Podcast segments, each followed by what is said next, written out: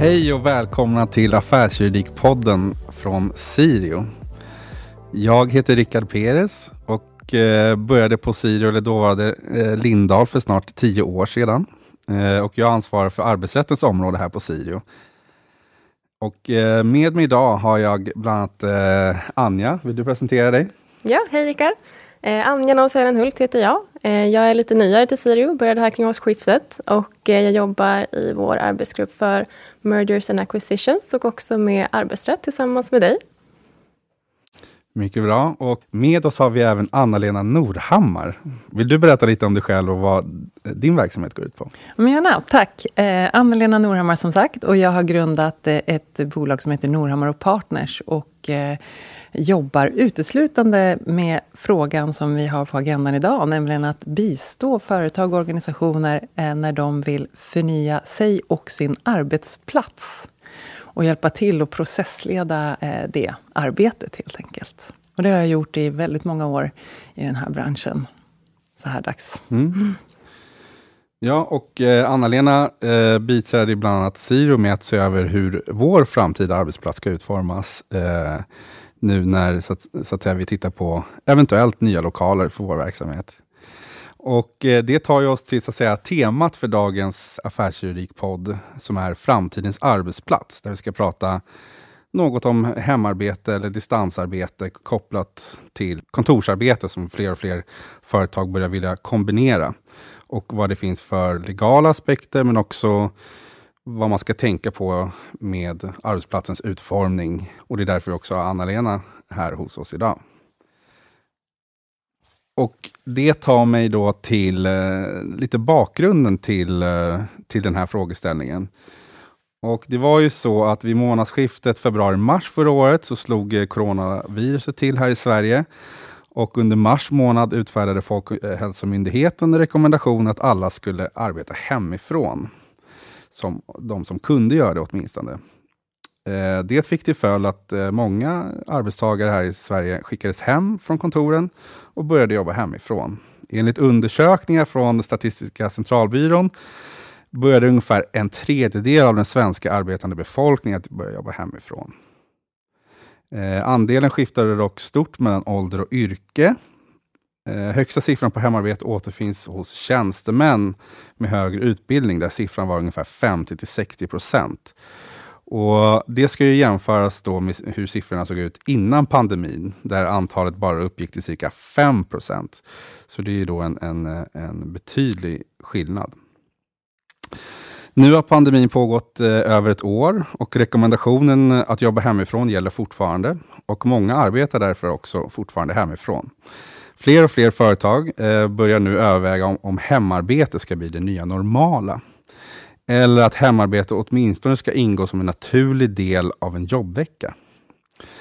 I eh, The Economist finns eh, en artikel från 10 april i år som har titeln The Rise from Working from Home eh, av vilken det framgår att de flesta anställda skulle vilja arbeta hemifrån eh, hälften av sin tid enligt undersökningar som har gjorts. Det är någonting man även hör här hemma i Sverige, nämligen att de flesta vill jobba hemifrån mm, ja, två till tre dagar i veckan, brukar man höra.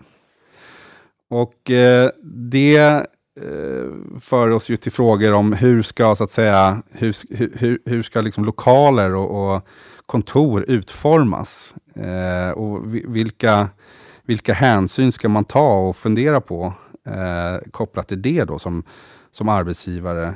Eh, och på grund av det så har vi då kallat in Anna-Lena som är expert på de här frågorna. Ja, och Anna-Lena, du som faktiskt på daglig basis hjälper företag med förnyade arbetssätt och arbetsplatsutveckling som en strategisk fråga för att utveckla människorna och affären. Det här måste ju ha varit ett fullkomligt paradigmskifte i din verksamhet. Mm, det, det, kan man ju lätt tro, för den här pandemin slog oss ju verkligen med kraft. Och det upplevdes nog som ett paradigmskifte för många, för precis det här du berättar Rickard, vi ställde om. Och det här gillade vi att säga förra året. Vi ställer inte in, vi ställer om. Och, och kontoret fick ju ganska snabbt en existentiell kris. Men eh, om man tänker på själva liksom grundbultarna i det som hände, det vill säga att vi jobbar mer mobilt, att vi jobbar mer flexibelt, att vi, för det hör jag dig tangera Rickard, att vi börjar ifrågasätta vad är syftet med kontoret? För om kontoret fick den här existentiella krisen så var det ju den frågan som restes. Vad ska vi ha kontor till? Och någonstans har det ju gått i vågor under året som har varit. Eh, från början så kom vi fram till att vi kanske inte behöver kontor alls. Och så gillade man att säga att det kanske är det nya normala. Det finns inga kontor. Men om man, om man backar lite och ser vad som har hänt, så är det ju någonstans det att jag är helt övertygad om att vi kommer jobba mer hemma efter pandemin. Vi har lärt oss tillämpa det här digitala, men vi kommer också behöva kontoren. Men svaret på frågan är ju, vi behöver bli bättre på att lista ut vad det har för syfte. För paradigmskiftet, det hade ju liksom börjat för länge sedan. Paradigmskiftet i den här världen, den som jag verkar i, den kom ju egentligen med digitaliseringen. För det var ju när vi plötsligt kunde frigöra oss från platsen, när datorerna slutade att sitta fast i väggen med en sladd och telefonerna plötsligt inte var gjorda av bakelit, utan att vi liksom kunde då började ju den där revolutionen. Eh, det tror inte jag vi tänkte så mycket på då. Vi satt ju kvar vid vårt skrivbord med alla våra mobila verktyg. Men det, det är många företag som hade exakt de här frågorna på agendan innan pandemin. Eh, ska vi jobba mer aktivitetsbaserat? Det är ju en sån här populär term som bygger på att man delar på mer och är mer mobil och rörlig. Så jag skulle säga att det är mer att det gick väldigt mycket fortare när pandemin kom. Eh, men vi behövde liksom inte innovera mobilitet. Vi behövde inte innovera Teams. Eh, utan förutsättningarna fanns där. Mm. Men om de här förutsättningarna fanns där då redan, hur har liksom trendskiftet påverkat din verksamhet? Har det skiftat för dig hur du arbetat det senaste året? Eh, det som har hänt är framför allt att frågan, du sa tidigare att det, är, att det är en strategisk fråga och det brinner jag ju verkligen för. Jag tycker att arbetsplatsutveckling och hur vi ser på våra arbetssätt, det drar ju med sig frågor om ledarskap. Det drar med sig en massa frågor som gör att den blir just strategisk. Och det, det som har hänt, det är ju att den har klättrat upp på den strategiska agendan. Jag behöver så att säga inte längre sälja in frågan eh, så hårt till ledningsgrupper, utan de sätter den där själv. Så det är det som jag skulle säga är den största påverkan, det är att man själv börjar verkligen i rätt ände. Vad ska vi ha kontoret till? Och det tycker jag är ju rätt ingångsfråga i de här processerna. Mm. Och sen att det är väldigt många fler som undrar det. Tidigare ställde man den här frågan när avtalet var på väg att gå ut. Nu ställer man den oavsett. Men eh, om, om det ser ut så här nu då, vad är det som dina klienter och medarbetarna hos klienterna efterfrågar när de tittar på nya lokaler och verksamheter? Räknar man med hemarbete nu? Eller vill man fortsätta fullt ut med kontorsarbete som på den gamla goda tiden? Mm. Eller hur ser det ut där? Det är en jättebra fråga. Och då tänker jag, jag tror det var du Rickard tidigare som pratade om det här nya normala. Vi är ju fortfarande uppe i, uppe i det eh, exceptionella. Eh, så när man försöker lista ut de där frågorna så behöver man ju verkligen göra det vi alla vet egentligen är omöjligt, nämligen sia om framtiden. Mm. Så det vi behöver bli duktiga på, det är ju att förfina de här kartläggningarna vi gör. Alltså vi behöver bli bättre på att gräva i vad är behoven på riktigt. Och det som har hänt, som jag tycker är väldigt intressant, är att vi förstår i högre utsträckning att det inte är lokalen vi ska börja titta på och kartlägga, utan vi behöver börja kartlägga vad människor har för behov. Och det som har vridits under pandemin, som är så himla spännande, tycker jag personligen, är ju att vi har ju börjat inse att det är inte bara det individuella arbetet, utan det är väldigt mycket hur vi samverkar. Hur tar jag personligen ansvar för allas leverans och framgång? För vi har upptäckt hur, vad som hände när vi kastades hem och nu börjar vi fundera på hur sjutton ska vi designa det när vi kommer tillbaka? Nu gav jag ett långt svar. Din fråga var egentligen hur, hur de ja, vad, vad man räknar med fram, framgent. Men ja. det var ju svårt att säga om, som du säger. Men... Det man vet är att man vill ha mer flexibilitet. Man vill ha mer elasticitet, om man nu skiljer på de två begreppen. För om flexibilitet är att kunna ställa om och elasticitet är att kunna växa och krympa. Det är ju det man söker. Mm. Hur ska man lista ut det? Och det som gör gör frågan komplex är att den är olika för alla verksamheter. För det beror både på vilka roller du har, vilka individer du har och vilka arbetssätt Ja, ja såklart. Mm. Men kan du se någon skillnad på vad, vad bolagen eller arbetsgivaren vill och vad de anställda vill i det hänseendet? Mm, det är ju en bra fråga. Eh, jag kan framförallt se att bolagen bryr sig mer om vad de anställda vill eh, postpandemi. För man har ställt just den här frågan plötsligt. Hur mycket vill du jobba hemma? Det var ju faktiskt ingen som riktigt ställde den innan pandemin. Eh, och då visste ju inte medarbetarna om det gick och de visste inte om de fick. Och nu vet man att det går och att man får just nu. Men när myndigheternas restriktioner lättar, då måste arbetsgivarna ha bestämt sig för vad de tycker.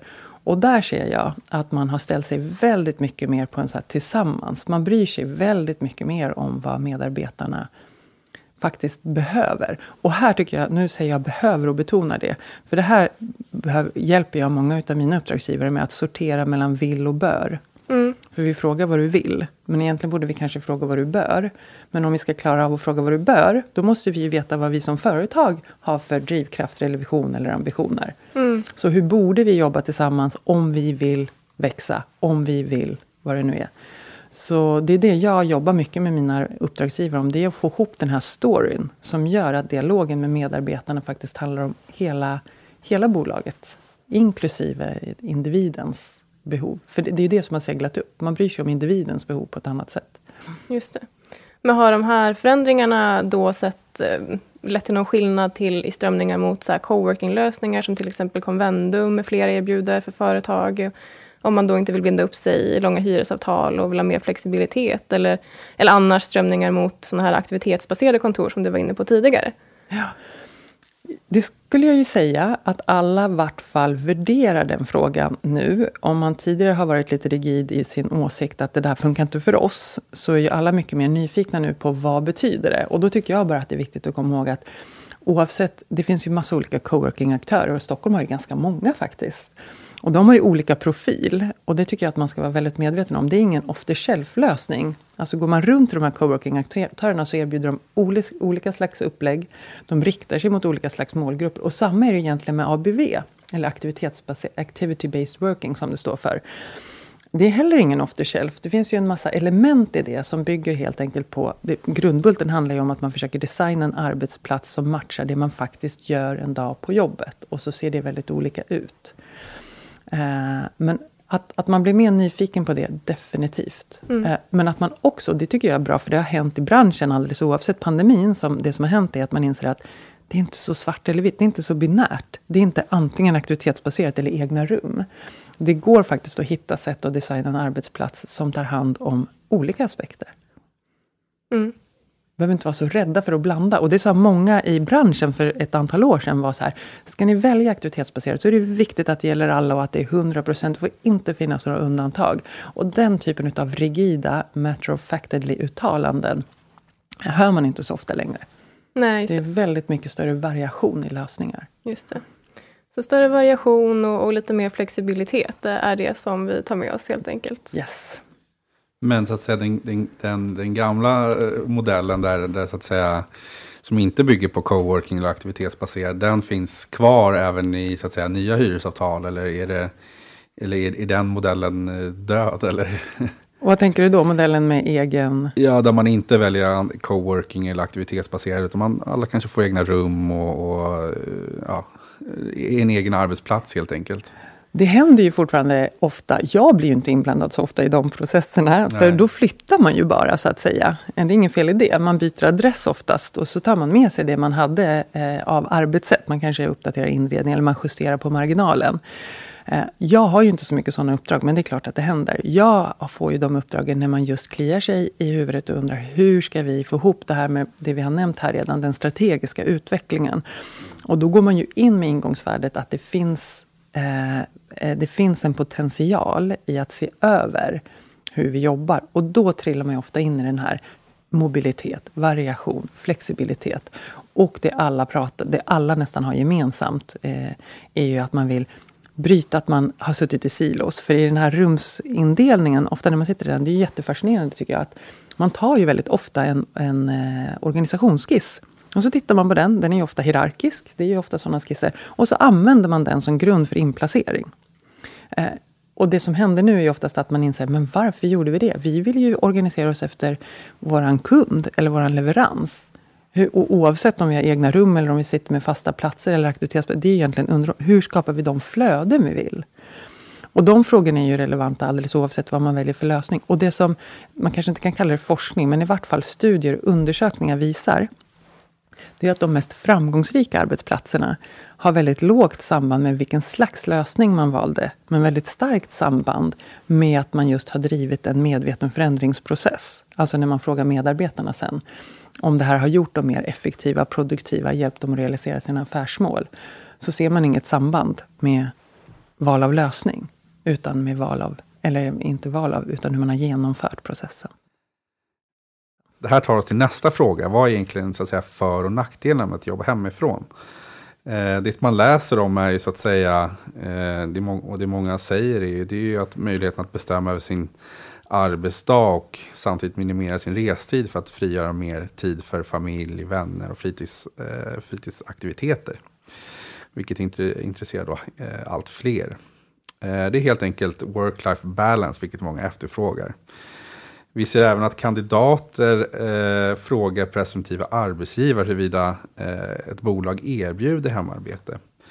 I den eh, artikel från The Economist som jag nämnde tidigare så, eh, så, har, så nämns att forskare på eh, det amerikanska teknikuniversitetet MIT har eh, genom sin forskning kommit fram till då att arbetsgivare som erbjuder hemarbete är mer eftertraktade än de som inte gör det.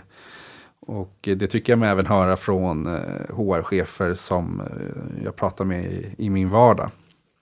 Det kan, där, det kan därför alltså finnas konkurrensmässiga fördelar med att erbjuda eh, möjligheten till hem eller distansarbete för företag. Eh, Anna-Lena, hur ser du på det? Jag kan bara instämma. Och jag tänker att det är samma logik som innan. Så här, har det där varit ett paradigmskifte? Ja, gigekonomin hade redan kommit. Alltså vi vill, precis det du säger där, vi vill bestämma själva i högre utsträckning. Vi vill liksom ha den här autonomin eh, och tas på allvar i det. Eh, och är det work-life balance, eller oavsett vad det är. Eh, och då, då tänker jag att det pandemin har gjort oss medvetna om, det är också den här enorma olikheten mellan vad vi behöver. Mm. Var vi är i våra... Och det, här, och vi, det är ju bara att gå till sig själv. Nu har jag några år på nacken, men jag hade ju inte haft samma önskemål om det för 15 år sedan som jag har idag. Mm. Så det här skiljer sig ju åt, eh, beroende på vad vi har för förutsättningar för res.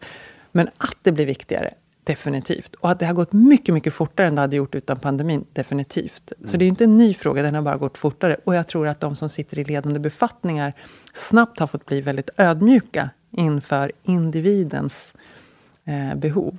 Mm. Och det jag tycker är spännande med det, det är att det här kommer ju bygga det som många kämpar med att skapa i sina organisationer, nämligen tillit.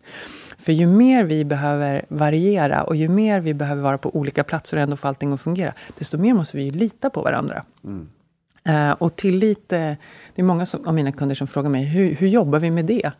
Och då brukar jag säga, men i den enklaste av former så är ju tillit är ett ord som visar och bevisar det alldeles på egen hand. Det är en palindrom verkligen. Samma bakifrån som framifrån. Ger man så får man, får man så ger man. Eh, och det är också många som har sagt eh, under pandemin att de är förvånade över hur lojala medarbetarna har varit. Hur mycket de har jobbat på.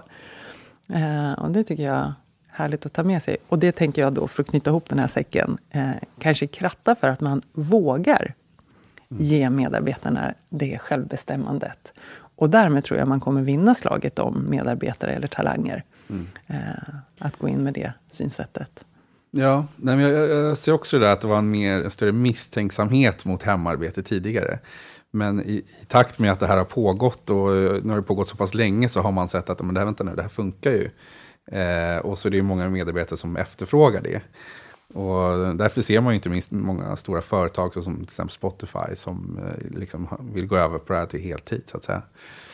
Så att, eh, ja, men det är väldigt intressant. Och en annan sak tänker jag med det där som vi inte heller, som jag tror vi kan lita mer på, det är att vi klarar av att självorganisera oss. Det har ju pandemin också visat. Vi hittar varandra i olika kanaler. Vi samordnar oss när vi måste. Eh, det är klart att vi har fått kämpa lite, men vi klarar det. Och det är ju samma sak i de här, för den frågan dyker ofta upp när man skapar de här aktivitetsbaserade eller coworking. Hur ska vi hitta varandra? Får inte jag jobba med mitt närmsta team nu om vi inte har fasta platser och så vidare? Och det som visar, det erfarenhet visar är att vi klarar av det. Vi löser det. Eh, och de här koncepten är ju inga centrifuger som kastar ut oss, utan tvärtom, de skapar ju valfrihet. Mm. Och då behöver vi bara ta mer eget ansvar för att se till att vi är där vi behövs. Mm. Det är vi bra på. Mm. Ja. Sen är det ju inte bara positiva saker med hemarbete. Nackdelarna som rapporteras är ofta brist på social kontakt och eh, med arbets, eh, social kontakt med arbetskollegor och möjligheten till en ordentlig arbetsplats. Och det här tar mig då till nästa punkt som är eh, som handlar egentligen om eh, en kartläggning och analys av förutsättningar för att arbeta hemifrån under coronapandemin. Och eh, regeringen gav i december 2020 Myndigheten för arbetsmiljökunskap i uppdrag att kartlägga och analysera då förutsättningarna för det här. Och analysen skulle omfatta då juridiska och tekniska hinder som finns för arbete hemifrån, samt identifiera eventuella arbetsmiljörisker och andra utmaningar som eh, kan finnas för att tillhandahålla en god arbetsmiljö vid arbete hemifrån. Och eh, myndigheten eh, levererade sin rapport till regeringen för drygt en månad sedan. Och av rapporten då framgår att för det första då att det har skett en påtaglig individualisering av arbetsmiljön och arbetsmiljöarbetet. Varje enskild arbetstagares individuella sociala villkor spelar större roll för arbetsmiljön, konstaterar man. Eh, exempelvis ex arbetstagarens bostadsförhållanden, familjeförhållanden, teknisk utrustning i hemmet och kompetens att utföra eller utforma sin egen arbetsmiljö eh, påverkar i högre grad. För det andra kommer man fram till att det skett en tydlig digitalisering av arbetsmiljön genom att arbetstagarens arbetsmiljö allt mer villkoras av eh, de digitala verktygens funktion. Men också chefers och arbetstagares förmåga att hantera de digitala gränssnitten. Och rapporten eh, rapporterar att arbete hemifrån i vissa avseenden har förbättrat arbetsmiljön och att det tycks fungera väl och att många arbetstagare är positiva till att arbeta hemifrån. Eh, arbetstagare ser fördelar av minskad stress på grund av att man slipper pendla, ökade möjligheter till koncentra eh, koncentration i arbetet och framförallt större flexibilitet vad gäller att kombinera arbete och fritid. Ja, som vi pratade om innan. De negativa delarna eh, rapporteras bestå i eh, ergonomiska problem eh, med ökad risk eh, för skador i nacke, axlar och rygg. Eh, socia social isolering, eh, minskad interaktion, framförallt kopplat till informella samtal och minskat utbyte i chefs och medarbetarrelationen. Förändrade arbetsformer och tekniska brister kopplade till till exempel eh, icke-fungerande bredband eller skrivare eller annan hård och mjukvara, vilket kan leda till ökad stress hos de, de anställda. Till sist eh, rapporteras även eh, om att gränsen mellan arbete och fritid suddas ut och att det primärt finns två arbetsmiljörisker som uppstår på grund av en oklar gräns mellan arbete och fritid. För det första handlar det om att arbetet tyck, eh, trycker undan privatlivet med ökad arbetstid och minskad återhämtning som följd. Eh, för det andra handlar det om att privatlivet inkräktar på arbetslivet och påverkar möjligheten att lösa arbetsuppgifter. Och konsekvenserna av detta eh, kan i, i båda fallen leda till ökad stress. Anja, vilka lösningar skulle man kunna tänka sig för att råda bot på de här problemen? Ja, alltså när det kommer till social isolering så tänker jag att det enklaste sättet att bryta det med det är sådana gemensamma events, över videolänk Ehm, eh, som i alla fall vi har haft en del här på Sirio eh, med gemensamma AVs och events över Teams där Sirio har varit väldigt generöst med att skicka hem tilltugg och någonting att skåla i, vilket har varit väldigt trevligt. Eh, det är som Anna-Lena nämnde tidigare, att vi hittar väl alltid sätt att, att jobba tillsammans. Ehm, när det kommer till eh, minskat utbyte i medarbetare och chefsrelationen så så blir det ju ett ökat ansvar för cheferna att hålla kontakt med sina anställda och hålla koll på hur deras arbetsbelastning ser ut. Eh, sen när det gäller avsaknad av en tydlig gräns mellan arbete och fritid, eh, som du pratade om, så gäller det väl att skapa tydliga tidsramar för när arbetet ska utföras. Eh, att man är konsekvent med att ta raster och att eh, arbetet ska ta slut någon gång vid, vid kanske en utsatt tid. Eh, och eh, även det här med att ha en särskild plats i hemmet som man arbetar på är ju förmodligen en viktig faktor för att, för att känna att man inte har arbetat omkring sig hela tiden. Eh, sen har vi pratat en del om ergonomiska problem också och det, det kan ju lösas genom att arbetstagare erbjuds att få hem kontorsmöbler, kontorsstolar, skärmar och, och så vidare. Eh, sen är det givetvis inte möjligt för alla eftersom att det kan vara en stor kostnad förenad med om man då ska dubbla arbetsprestationer framför allt ifall det är så den tanken som vi har pratat om med, med delat arbete mellan kontor och hemmet. Men å andra sidan, i, ifall det är så att man, man delar upp arbetet lite mer, som du var inne på att Spotify har gjort tidigare, så kanske man kan krympa kontorsytor och eh, inte liksom alltid ha alla anställda samtidigt på kontoret. Ja, och det är lite grann ditt område här Anna-Lena. Eh, kontorskostnader är ju ofta en stor kostnadspost i resultaträkningen varje år för företag. Och det finns ju mycket pengar att spara på mindre kontor. Eh, hur ser du på den här frågan? Mm, det är en viktig post och eh, tidigare, kanske mycket mer så innan pandemin, jag tror jag nämnde det tidigare också, att så var det ju triggern ofta för de här frågorna att avtalet gick ut. Och då var ju den där frågan angelägen vi har för höga hyreskostnader. Eller särskilt de, de som sitter i Stockholm, sitter i city. Hyrorna har pekat rätt upp under många år. Har man då suttit i så här treårsavtal, femårsavtal, sjuårsavtal så går man in på helt andra hyresnivåer än vad man tecknade avtal på. Och då blir den en viktig drivkraft. Och de flesta inser att det finns nästan allt. Alltså det är ju som det är med processer. Du behöver bara titta på ytan och tänka, kan vi effektivisera? Och så kommer du på sätt att effektivisera. Det där vet man. Mm. Så den frågan är jätteviktig. Däremot skulle jag säga att den allt oftare blir liksom en hygienfaktor. Det vill säga, det är klart vi ska ha så effektiva lokaler vi bara kan, till rätt hyra, till rätt... Men i den ekvationen behöver man få med allt det här andra, inte minst det ni nyss pratade om då. Hur, hur ser vi till att vi får med oss well-being och att arbetsmiljön, den som är då på kontoret, liksom hänger ihop med det här. Så till sist blir ju kostnadsposten mer komplex för att den också innehåller mjuka värden. För vi vet att arbetsplatsen behöver attrahera och behålla medarbetare. Vi vet att den behöver göra oss effektiva i vardagen. En ineffektiv arbetsplats är ju dyr. Så frågan blir snabbt mer komplex. Men om jag ändå skulle bara vara lite fyrkantig och inte försöka ge något så politikersvar, utan så, här, så skulle jag säga att eh, det är ju få av mina uppdragsgivare som inte minskar ytan.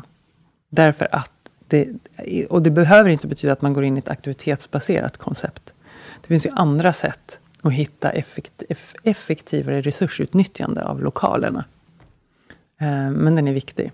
Mm. Och det är ju lite grann så tacksamt, om man jobbar med de här frågorna, så skulle jag säga att det är tacksamt att det är så pass styrt, därför att det är en trigger för att förstå att det är angeläget att säkerställa att arbetsplatsen inte bara är någon slags förvaringsställe, utan det här återigen, det vi har sagt några gånger nu, att det faktiskt är en strategisk möjlighet. Eh, för både individ och affär. Mm. Ja, det tåls ju att tänka efter när eh, vad jag har hört så ligger kontorsytorna inne i, i cityområdet på runt 10 000 kvadraten. Och det är en ganska stor eh, klättring som har skett de senaste åren till de nivåerna. Ja. Och då blir det väldigt dyrt att ha ineffektiva ytor. Ja, verkligen. Och de där siffrorna är ju kanske de, det är de här riktigt CBD, CBD, mm. Central Business District. Eh, och de dyra, dyraste objekten, absolut. De är ju där uppe och hovrar. Mm. Och det vi ser nu det är ju egentligen en, en sättning möjligen. Eh, men det har ju heller inte under pandemin varit några drastiska fall. Så frågan är ju fortfarande angelägen. Mm. Och här, det är ju så mycket vi inte vet. Alltså det är så mycket, och det här är ju långa processer, så vi har ju inte sett alla konsekvenser förstås på själva hyresmarknaden från pandemin ännu. Nej. Hur våra mönster kommer att förändras. Mm. Ja, det är väldigt intressant. Mm. Och det tar oss till nästa fråga då. Vad gäller rent arbetsmiljömässigt när man jobbar hemifrån? Och eh, Anja, det kanske du kan svara på. Ja, ja men som du har sagt så, så det som aktualiseras främst när man arbetar hemifrån det är ju just arbetsmiljöfrågorna. Och en arbetsgivare är ju skyldig att vidta alla åtgärder som behövs för att förebygga att arbetstagare inte utsätts för ohälsa eller olycksfall. En, en utgångspunkt ska därför vara att allt som kan leda till ohälsa eller olycksfall ska ändras eller ersättas så att eh, risken för ohälsa eller olycksfall helt enkelt undanröjs. Eh, och sen är det viktigt att arbetsgivare och arbetstagare samverkar för att uppnå en god arbetsmiljö. Eh, så heter det i arbetsmiljölagen. Och eh, när anställda arbetar från ett kontor då är det lätt för arbetsgivaren att ta ansvaret för arbetsmiljön eh, för de anställda. Men när man däremot arbetar hemifrån, det blir ju såklart eh, svårare av naturliga skäl. Eh, och det kommer inte finnas eh, samma möjligheter med eh, att kontrollera arbetsmiljön som på ett fysiskt kontor. Eh, och också den psykosociala arbetsmiljön, eller den sociala och organisatoriska arbetsmiljön, eh, blir svårare att kontrollera eftersom att cheferna typiskt sett kanske inte har lika stor kontakt med sina anställda och kunna höra efter hur de mår. Mm. Men vem är det då som ansvarar för arbetsmiljön i hemmet? Arbetsmiljölagstiftningen den är ju som utgångspunkt neutral i frågan om vart arbetet utförs. Så därför görs det inte, alltså åtminstone inte i teorin, någon åtskillnad på om arbetet utförs på ett kontor eller om det utförs hemifrån. Eh, gällande kontor finns ju dock rätt utförliga regler om vad som gäller för till exempel arbetsplatsens utformning. Eh, och det här saknar ju motsvarighet när det gäller hemarbete och vad gäller hemarbete så var ju Arbetsmiljöverket kanske inte heller helt förberedda på omfattningen av vad, vad liksom den här omställningen till hemarbete skulle innebära. Eh, vilket har gjort, att Arbetsmiljöverket själva varit tvungna att inventera och fastställa vad som faktiskt gäller och vilka råd och regler som, som vi ska leva efter. Men hur kan då arbetsgivaren eh, ta ansvar för arbetsmiljön när de anställda jobbar hemifrån? Ja, om vi börjar i ena änden så har arbetsgivaren varken någon rätt eller skyldighet heller att inspektera eh, den anställdes arbetsmiljö i hemmet, utan eh, det viktiga som, som arbetsgivaren ska ta med sig är att man ska jobba med det systematiska arbetsmiljöarbetet kontinuerligt som vanligt och utreda och bedöma risker och vidta förebyggande åtgärder.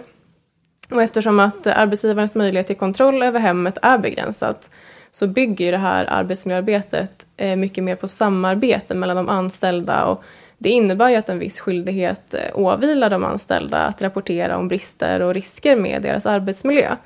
Ehm, och arbetsmiljön är ju som utgångspunkt eh, arbetsgivarens ansvar, men regelverket eh, innebär ju att de anställda ska arbeta tillsammans med arbetsgivaren för att uppnå en god arbetsmiljö. Och därför blir det extra viktigt vid hemarbete att de anställda tar ansvar och att berätta för sin, sin arbetsgivare om problem som de upplever. Mm. Mer samarbete och mer, eh, mer ansvar på den anställde helt enkelt. Att, att samarbeta med arbetsgivaren i arbetsmiljöfrågor, Just låter det som. Och vem är det då som är skyldig att stå för kostnaderna när arbetstagaren jobbar hemifrån? Eh, det beror lite grann på. Alltså är det så att arbetsgivaren har valt att, att man ska jobba hemifrån och det, det kommer medföra kostnader, då blir det arbetsgivaren som får stå för det.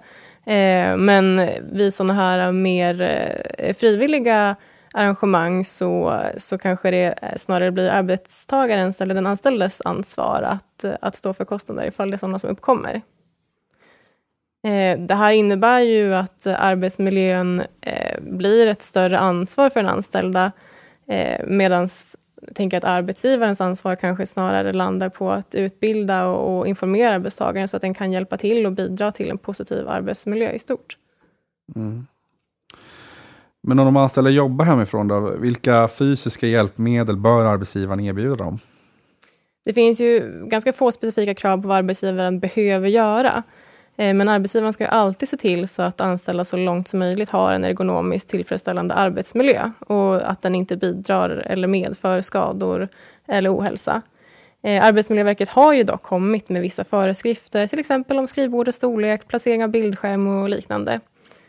Eh, om den anställde ska arbeta permanent hemifrån så finns det till exempel eh, sagt att, eh, den, att arbetsgivaren ska erbjuda en justerbar kontorsstol. Så det är någon slags minimum där. Eh, Anna-Lena, du som jobbar med att eh, planlägga kontorsytor, vad är det dina kunder brukar värdesätta och vad är det som är viktigt för att få till ett bra kontorsutrymme i, i jämförelse med så att säga, eh, hemarbetsplatsen? Ja, det är ju, eller en, ett enkelt svar på en komplex fråga är väl kanske variation. Eller det kanske beror på vad man har för verksamhet. Men det de allra, det de allra flesta kunder efterfrågar, det är ju att det finns, att det går att mappa det man gör med en yta eller en plats. Och det är oavsett vad man har för slags koncept i botten. Och det är det som kanske brister i hemmet. Man har den där platsen att sitta på. Det man vill att kontoret ska innehålla, eh, det är ju en dynamik och det, man, det som står väldigt högt på agendan, det är de här flödena som man vill ska vara under en dag på jobbet. Man vill ju inte bara knata in på kontoret och placera sig. Eh, utan man vill ju se till att det blir, blir bra flöden. Så att lista ut vilka ytor som på riktigt mappar det medarbetarna gör, som gör dem framgångsrika. Och allt oftare handlar ju det om att komplettera den egna arbetsplatsen med eh, olika slags ytor att mötas på. Mm. Och det sociala klättrar ju återigen. Eh, mm. alltså den, ytor utan fyra väggar, skulle jag säga. Just variation i arbete och arbetsställning och sånt där, det är också en, en, en uh, fråga man också ser i arbetsmiljöarbetet som är, som är väldigt viktig. Just det. Så det, det blir ju samma egentligen uh, krav på det när det kommer till kontor och när det kommer till hemarbete. Att man, att man har möjlighet att till exempel ha ett justerbart skrivbord så man kan ändra sin arbetsställning från att liksom, ja, sitta till att stå. Eller, eh, ja, så, att man, så att man inte liksom utsätts för de här ergonomiska belastningarna ja. i onödan som vi ser. Jag hörde något sånt där uttryck, att den bästa eh, arbetsställningen ur ett ergonomiskt perspektiv är den nästa. Det vill säga att du hela tiden byter. Eh, ah, okay. Lite fyndigt, men säkert delvis sant. Ja, det är, låter helt, helt riktigt. Mm. Men även ifall det är så att det är många av oss som uppskattar kontorsarbete och så, så finns det nog en del organisationer som ändå ser fördelar med att bedriva arbetet mer permanent hemifrån. Eh, och det finns ju kanske skilda forsknings, forskningsresultat vad gäller produktivitet och liknande, men för många organisationer kan det säkerligen innebära en del fördelar. Eh, och Rickard, vad, vad bör man mer tänka på då innan man ställer om mer permanent till hemarbete? Ja, permanenta förändringar om var arbetet ska utföras ifrån måste ju så att säga förhandlas med facket om man har kollektivavtal innan beslut fattas. Så facket måste alltså involveras och ges tillfälle att påverka arbetsgivarens beslut i denna fråga. Eh, och sen eh, kan även anställningsavtalen behöva ses över. I anställningsavtalet så står det ju ofta att eh, arbetet ska utföras på bolagets arbetsplats. Eh, eftersom detta anses vara en rättighet för bolaget att göra gällande mot den anställde kan bolaget så att säga befria den anställde från skyldigheten att arbeta på, på bolagets arbetsplats helt eller delvis tills vidare eller för en viss tid. Eh, det anses också ligga inom arbetsgivarens arbetsledningsrätt att besluta om var, eh, var och när och hur arbetet ska utföras. Och en del arbetsgivare väljer då att, att, så att säga, istället för att skriva nya anställningsavtal så antar man en, eh, en policy om eh, var arbetet ska utföras. Eh, och den policyn då kan ge de anställda rätten att till exempel inte behöva arbeta för kontoret. vilket annars då var en skyldighet enligt anställningsavtalet. Mm. Man blir arbetsplatsbefriad på något vis. Precis. Men om man vill införa en sån här policy då, att man ska få jobba lite mer flexibelt, eh, vad ska man tänka på innan man, man gör det? Ja, det viktiga är att man verkligen har tänkt igenom hur man vill att arbetet ska fungera, hur arbetsledning och återrapportering ska ske och med vilken rätt man ska få ändra och justera tidigare fattade beslut om distans och hemarbete om det visar sig att en ändring måste se till eller att det inte fungerar eller att man vill förbättra det på något sätt. Just det. Men eh, flexibelt arbete där, men ifall man då vill ställa om till att arbeta mer på, eh, mer på heltid hemma helt enkelt, vad, vad kan bli följden av det? Ja, självklart påverkas organisationen av en omställning till hemarbete och det finns många aspekter som man måste tänka igenom rent organisatoriskt för att få det att fungera bra. Eh, och här kommer ju många arbetsmiljöaspekter in, inte minst. Eh, vi har ju tidigare också diskuterat eh, den mer fysiska arbetsmiljön, men arbetsmiljön innehåller ju också organisatoriska och sociala aspekter. Arbetsmiljöverket har exempelvis pekat ut eh, långtgående möjlighet att utföra arbete på olika tider och platser eh, med en förväntning om att ständigt vara nåbar som en risk för ohälsa. Samtidigt är det ju en del organisationer som redan innan distansarbete blev en stor del av vardagen hade ett högt krav på tillgänglighet. Eh, men när man flyttar den huvudsakliga arbetsplatsen till hemmet så blir det sannolikt en ännu större fråga. Så det innebär alltså att permanent hemarbete kan innebära en större arbetsmiljörisk? Det behöver ju nödvändigtvis inte vara så, men i pandemitiderna är det vanligt att uh, höra anställda uttrycka en längtan efter att uh, komma tillbaka till kontorsmiljön, åtminstone delvis. Och det blir svårare att skilja på gränsen mellan arbete och vardag när man arbetar hemifrån, vilket eh, vi hörde från den här rapporten eh, tidigare. Eh, men så arbetsgivaren måste kanske då ta lite mer ansvar för att kolla in hur de anställda mår, förstår jag dig som. Men i övrigt då, hur påverkas själva arbetet av distansarbete? Det ser såklart olika ut från organisation till organisation och individ till individ. Eh, men det har ju uttryckts bland annat att arbetet kanske blir mer eh, effektivt eh, för att man inte blir lika störd av sina kollegor som man, när man är på sin arbetsplats och man behöver jobba koncentrerat till exempel. Just det. Men det här att man inte blir störd av sina kollegor, kan inte det också på något sätt vara något negativt? Att man inte får till sådana spontana möten? Jo, det är såklart att man kanske missar de här naturliga tillfällena att bolla problem och frågor som man, eh, som man har när man stöter på kollegor spontant i korridoren eller fikarummet. Eh, ska man arbeta hemifrån kan, eh, kan såklart sådana frågor eh, eh, och tillfällen inte bli lika många. Men man, då, man får då helt enkelt försöka skapa digitala chanser till interaktion genom att dra igång ett spontant Teamsmöte eller, eller liknande. Eh, alla sådana frågor är sådant som en arbetsgivare behöver ta i beaktande innan man bestämmer sig för en omställning. Eh, så frågan är så att säga, vad kommer fungera för just er organisation och vilka förutsättningar har ni att komma till rätta med de här eventuella bristerna som finns med hemarbete? Och det eh, tar mig till en fråga till dig Anna-Lena. Eh, hur jobbar du med sådana här frågor när du planerar kontorsutrymmen? Vad är det egentligen som är viktigt för effektiviteten och kanske kreativiteten när det kommer till gemensamma arbetsutrymmen? Jag tror svaret på den frågan återigen handlar om de här flödena. Att man hittar de här flödena eh, så att man blir effektiv och kreativ i vardagen. Och det är lite sorgligt. Vi vet ju, det finns ju någon gammal forskningsrapport som säger att vi tänker 95 procent samma tankar varje dag, repetitivt. Och det är ju lite sorgligt om vi vill utvecklas och vara kreativa. Och lite tacksamt om vi tittar tillbaka liksom i historien, att vi inte försökte eh, lista ut varje gång där på prärien om lejonet faktiskt tänkte äta upp oss eller inte. Alltså det finns ju en förklaring till varför vi gör sådär. Men det vill man ju ofta väva in. Det vill de flesta av mina uppdragsgivare väva in. Alltså hur skapar vi det oväntade? Hur skapar vi den här upplevelsen på kontoret? Och hur ser vi till att den är levande över tid? Det försöker man hitta. Och då vill man ju ofta hitta hjärtat i lokalen. Alltså var är det vi ses och har det härligt och är dynamiska och är kreativa? Jag tänker på det här tidigare som du pratade om, det här med att man störs. Om du blir störd av att jag ställer en fråga, men jag får ett jäkligt bra svar som har ett jäkligt högt värde för vår klient, eller vad det nu är. Det är ju den där samlade, det är ju det där att lyfta blicken och se vårt, min egen effektivitet och trivsel är ju jätteviktig. Men den måste ju hänga ihop med allas effektivitet och trivsel. Och det gäller ju även för kreativitet, effektivitet eh, och de här flödena. Så det är ju hela ekvationen som ska gå ihop helt enkelt. Och tillbaka till din fråga där om vad det får kosta. Det, den, det här blir ju också en... Eftersom alla, mer, någonstans mäts man ändå på tillväxt, lönsamhet, vad det nu är. Det hänger ju ihop med de här frågorna. Så det är den nöten man brukar knäcka. Men hjärtat i lokalen, ska, skulle jag säga, behöver på något sätt ta hand om det här mötet. Och om vi har sådana här ensidiga tankar då så kanske vi behöver influeras av andra personers ensidiga tankar så man kan utvecklas gemensamt. Och då är ju kontor väldigt bra i den aspekten eftersom man får ju helt enkelt inte till lika många spontana eh, och sociala interaktioner med sina medarbetare.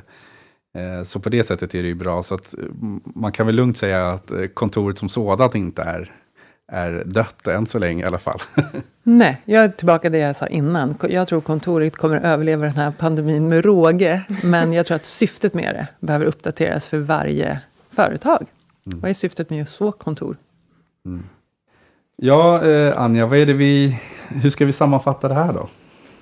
Ja, vi har pratat om mycket idag skulle jag säga, men vi ser ju ändå tendenser mot en ökning av hemarbete och åtminstone en flexibilitet därtill. Eh, anställda har kanske inte alltid samma önskan eller behov om arbete hemifrån eller kontor, men det verkar ändå vara någon form av ökning på den efterfrågan. Eh, och som vi har sagt så är det nog viktigt för arbetsgivare att föra en dialog med sina anställda om hur de vill bedriva arbetet och noga tänka igenom vad som kan främja organisationen eh, och organisationens arbete. Och här är ju kanske flexibilitet som vi diskuterat en viktig konkurrensfråga för arbetsgivare. Ska man ställa om antingen permanent eller delvis eh, till hemarbete så finns det väl dock ett, eh, ett antal viktiga frågor som behöver hanteras. Eh, det är viktigt att fundera över vilka följder det kan få om man ställer om arbetet till heltid eller deltid hemma och vilka krav man kanske vill ställa på den anställdas närvaro på arbetsplatsen. Ehm, har man funderat eh, eller har man fattat något beslut om ett förändrat arbetssätt så får det förmodligen också ganska många praktiska konsekvenser för arbetsmiljön, både den fysiska och den sociala eller organisatoriska arbetsmiljön. Så det här behöver man som arbetsgivare fundera över innan man tar ett beslut. Ehm, det finns ju många sätt att arbeta på och inget sätt som är rätt. Ehm, men den sociala och organisatoriska arbetsmiljön kanske möter särskilda utmaningar Eh, även om vi kanske oftast pratar om den fysiska arbetsmiljön när vi pratar om hemarbete, ur, ur ett juridiskt perspektiv i alla fall. Eh, för framtidens arbetsplatser är det kanske dock mer relevant att diskutera hur vi uppnår produktivitet och engagemang som vi varit inne på väldigt mycket idag. Eh, och frågan om var arbetet ska utföras ifrån är nog mest troligt en fråga som arbetsgivare kommer behöva fundera på för att vara konkurrenskraftig i framtiden. Mm. Ja, eh, du får tacka för den sammanfattningen. Och då har vi kommit till slutet av vår podd. Vi får tacka Anna-Lena eh, som kom hit också och pratade om eh, eh sina aspekter på arbetsplatserna och eh, för att du hjälper oss med att utforma vår framtida arbetsplats. Tack själva, det var jätteroligt att få vara med och prata om mitt favoritämne. Ja. Då får vi tacka så mycket och eh, säga hej då till alla lyssnare. För andra intressanta inslag om affärsjuridiska aspekter så följ oss där poddar finns. Och välkommen åter.